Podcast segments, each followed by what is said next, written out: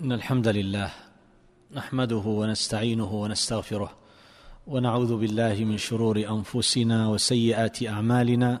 من يهده الله فلا مضل له ومن يضلل فلا هادي له وأشهد أن لا إله إلا الله وحده لا شريك له وأشهد أن محمدا عبده ورسوله صلى الله وسلم وبارك عليه وعلى آله وصحبه أجمعين. أما بعد فسلام الله عليكم ورحمته وبركاته. أيها الأحبة من الأذكار التي تقال عند الاستيقاظ. يقول الحمد لله الذي عافاني في جسدي ورد علي روحي وأذن لي بذكره. يذكر ثلاثة أشياء إذا استيقظ. يحمد ربه تبارك وتعالى بها. يذكره بجميله الاختياري ويستحضر إنعامه عليه ويضيف النعمة إلى مسديها ومبديها والمتفضل بها فلا يغفل ولا ينسى فذلك يقوله بمجرد استيقاظه يحمد الله عز وجل. الحمد لله كل الحمد لله لأنه المتصف بالكمال كما مضى من كل وجه وهو المنعم المتفضل وما بكم من نعمة فمن الله فله الحمد كله ليس لأحد سواه.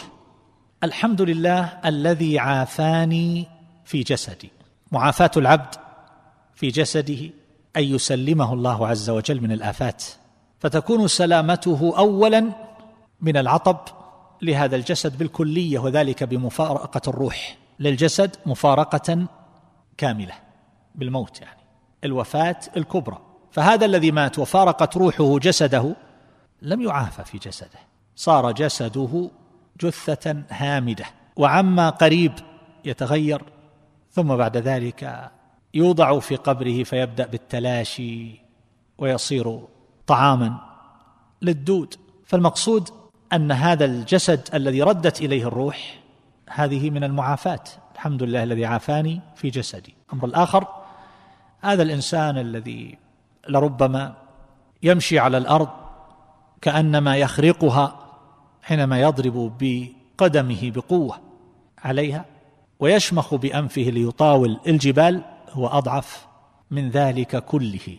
لو أنه توقف فيه عرق أو تجمد في عرقه قطرة من الدم لأصبح وهو لا يستطيع أن يحرك أصبعه. وهذا أمر مشاهد بلحظة وبلا مقدمات. لربما هذا الرجل له عناية بالغة في جسده.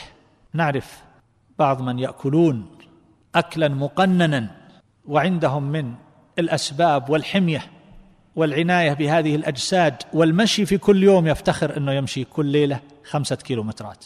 لا يصده عن ذلك ضيف حل به ولا شغل يشغله. كل يوم خمسة كيلومترات. وتجد هذا الجسم وهذا القوام ولربما جاوز السبعين ومع ذلك. ينام ليس به بأس ثم يصبح لا حراك به. لا يستطيع أن يقوم من فراشه. فضلا عن أن يمشي خمسة كيلومترات أو خمسة أشبار. ويفرح أولاده غاية الفرح لو أنه استطاع أن يرد عليهم. يستبشرون أن استطاع أن يرد أن يتكلم. أو أنه عرفهم أو أنه يحرك طرفه. عل وعسى أنه يراهم ويشعر بمن حوله.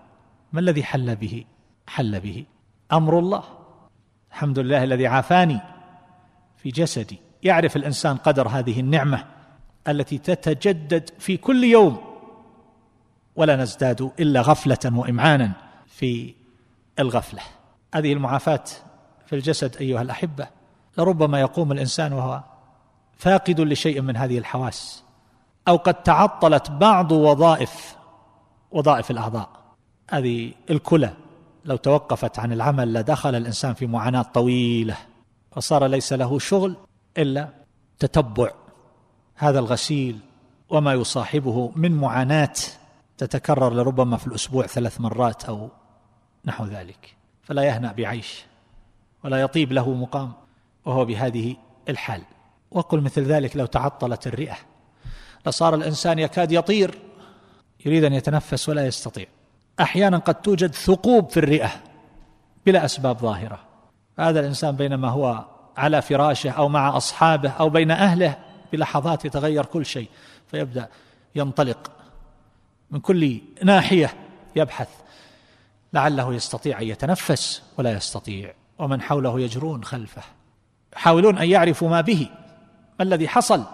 وهو لا يستطيع أن يجيب. الحمد لله الذي عافاني في جسدي. عافية الجسد هذه أيها الأحبة لا نستشعرها. أحدهم يذكر عن نفسه أنه نام في غرفة فرأى كأنه توهم أن هذه الستائر على نافذة مطلة. فهو ينتظر الفجر ينتظر الصباح والحال لم تتغير. فرفع الستارة ولم ير شيئا. فظن أن بصره قد أخذ فأخذه ما قرب وما بعد. فتبين له أن هذه النافذة إنما وضعت هذه الستارة على جدار بصورة نافذة وليست حقيقية. فاطمأنت نفسه بهذا لكن هل هذا يقود إلى شكر الله عز وجل على هذه النعمة؟ ولهذا قال بعض السلف إذا أردت أن تعرف نعمة الله عليك فأغمض عينيك. تعرف قدر هذه النعمة. عافاني. في جسدي. انظر إلى الناس الذين يفقدون حاسة السمع. كيف يتوارى الواحد منهم غالبا عن المجالس التي تجمعه بالناس. لأنه لا يسمع ما يتحدثون به ويخاطبونه ولا يستطيع الرد ويضحكون وهو ينظر ويتفاعلون مع الحديث فيما بينهم وهو يرى التعابير على وجوههم ولا يدري يتحدثون عن ماذا. هذه الأدواء والأمراض لربما يصبح الإنسان ثم بعد ذلك يقوم مع معاناة جديدة فيدخل مع إحصائية هي بالالاف المؤلفة في كل عام. يعني الذين يجد لهم مرض كهذا. أمراض السرطان عافانا الله وإياكم وكل مبتلى. وما يدريه بلحظة بلحظة ليس به بأس. آلاف كل سنة يصابون بهذا المرض آلاف من الأطفال والرجال والنساء. وما يؤمنه أن يصبح الإنسان أو يمسي وهو في بلاء. قد نزعت منه نعم. لو قيل له مهما كان يملك من الدنيا كم تدفع لتعود إليك عافية الجسد؟ لبذل ما يملك قل ذلك أو كثر. على أن ترجع إليه هذه النعمة. ولكنها الغفلة الغالبة أيها الأحبة عافاني في جسدي. ورد علي روحي فهذا داخل في عافية هذا الجسد كما سبق ولكنها أجل هذه العوافي. ولاحظ هذه العوافي هذه العافية رد الروح إلى الجسد يطلب لماذا؟ وأذن لي بذكره. فلا خير في حياة من غير ذكر الله تبارك وتعالى. رجل امرأة إنسان لا يعرف ربه ولا يذكره بلسانه ولا قلبه ولا جوارحه. فأقول وأذن لي بذكره. هذه نعمة عظيمة جعلها في عداد هذه النعم. عافية الجسد ورد الروح. وهل تطلب الحياة إلا لهذا؟ إلا لذكر الله. وهل تطيب الحياة إلا بهذا؟ وهل يكون للحياة معنى إلا بذكر الله عز وجل؟ فإذا تقشع ذكر الله عز وجل من قلب عبد ولسانه تصحرت نفسه فإنه يلتحق بعالم آخر عالم البهائم. بل كما قال الله عز وجل إنهم إلا كالأنعام بل هم أضل. يصير الإنسان كما وصف الله عز وجل. من أولئك الذين لهم قلوب لا يفقهون بها لا ينتفع بقلب لا ينتفع ببصر لهم أعين لا يبصرون بها. لا ينتفع بأذن ولا بسمع لهم آذان لا يسمعون بها. هؤلاء صور وأشكال كما قال الله عز وجل عن المنافقين الذين لا يذكرون الله إلا قليلا. قال عنهم وإذا رأيتهم تعجبك أجسامهم. لأن العناية كلها منصرفة إلى هذا الجسد. وإن يقولوا تسمع لقولهم. كلام جميل لكن بلا فعل ولا حقيقة. تنطوي عليها نفسه. ثم وصفهم بهذا الوصف البليغ كأنهم خشب مسندة.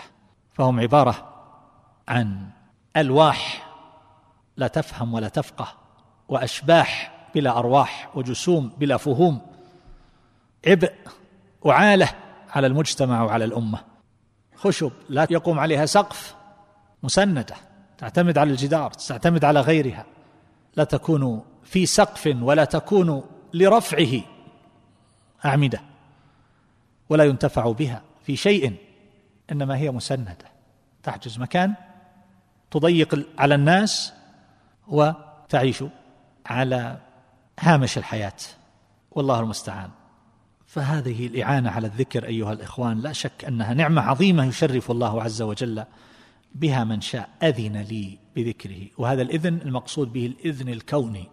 وإلا فالله أمر بذكره. فاذكروني أذكركم هذا الأمر الشرعي وهو إذن شرعي ولكن بقي الإذن الكوني هو الذي يوفق الله عز وجل إليه من شاء. فمن وفق إلى ذكر الله تبارك وتعالى وجرى ذلك على لسانه وقلبه وجوارحه فهذه نعمة عظيمة حرم منها الكثيرون فيحتاج العبد إلى شكرها استحضارها والازدياد منها وأن يتذكر أن الله هو الذي تفضل عليه. وحباه واجتباه بعد ما حرم الكثيرين الذين يقومون لا يذكرون الله عز وجل لا بألسنتهم ولا بقلوبهم ولا بجوارحهم. يقوم لا يصلي يذهب إلى عمله يذهب إلى دراسته لا يعرف ذكر الله ولا يصلي. لم يصلي الفجر ويذهب إلى عمله. لم يجري ذكر الله على لسانه هذا. كيف يوفق؟ كيف يستطيع انه يواجه صعوبات الحياة؟ كيف يستطيع انه يواجه الكبد؟ الذي خلق الإنسان كأنه قطعة منه. لقد خلقنا الإنسان في كبد. يكابد منذ أن يخرج من بطن أمه. فكيف يستطيع أن يواجه من كان بهذه الحال من الجفاف؟ نسأل الله العافية. ونسأل الله تبارك وتعالى أن يعيننا وإياكم على ذكره وشكره وحسن عبادته. ولهذا يقول شيخ الإسلام بأن هذا الدعاء أعني على ذكرك وشكرك وحسن عبادتك من أفضل الدعاء. لأن الإنسان إذا أعين عليه أعين على طاعة الله تبارك وتعالى وبلوغ مرتبة الإحسان لأن العبد إما أن يكون يعبد الله عز وجل ابتداء بما فرض عليه وكلفه وأمره به أو يكون في نعم تحتاج إلى شكر على ذكرك وشكرك ويحتاج إلى إحسان العمل وهو الذي خلق الناس من أجل تحقيقه والذي خلق الموت والحياة ليبلوكم أيكم أحسن عملا. هذا وأسأل الله عز وجل أن يرحم موتانا وأن يشفي مرضانا وأن يعافي مبتلانا وأن يجعل آخرتنا خيرا من دنيانا والله أعلم. صلى الله عليه وسلم وعلى آله وصحبه.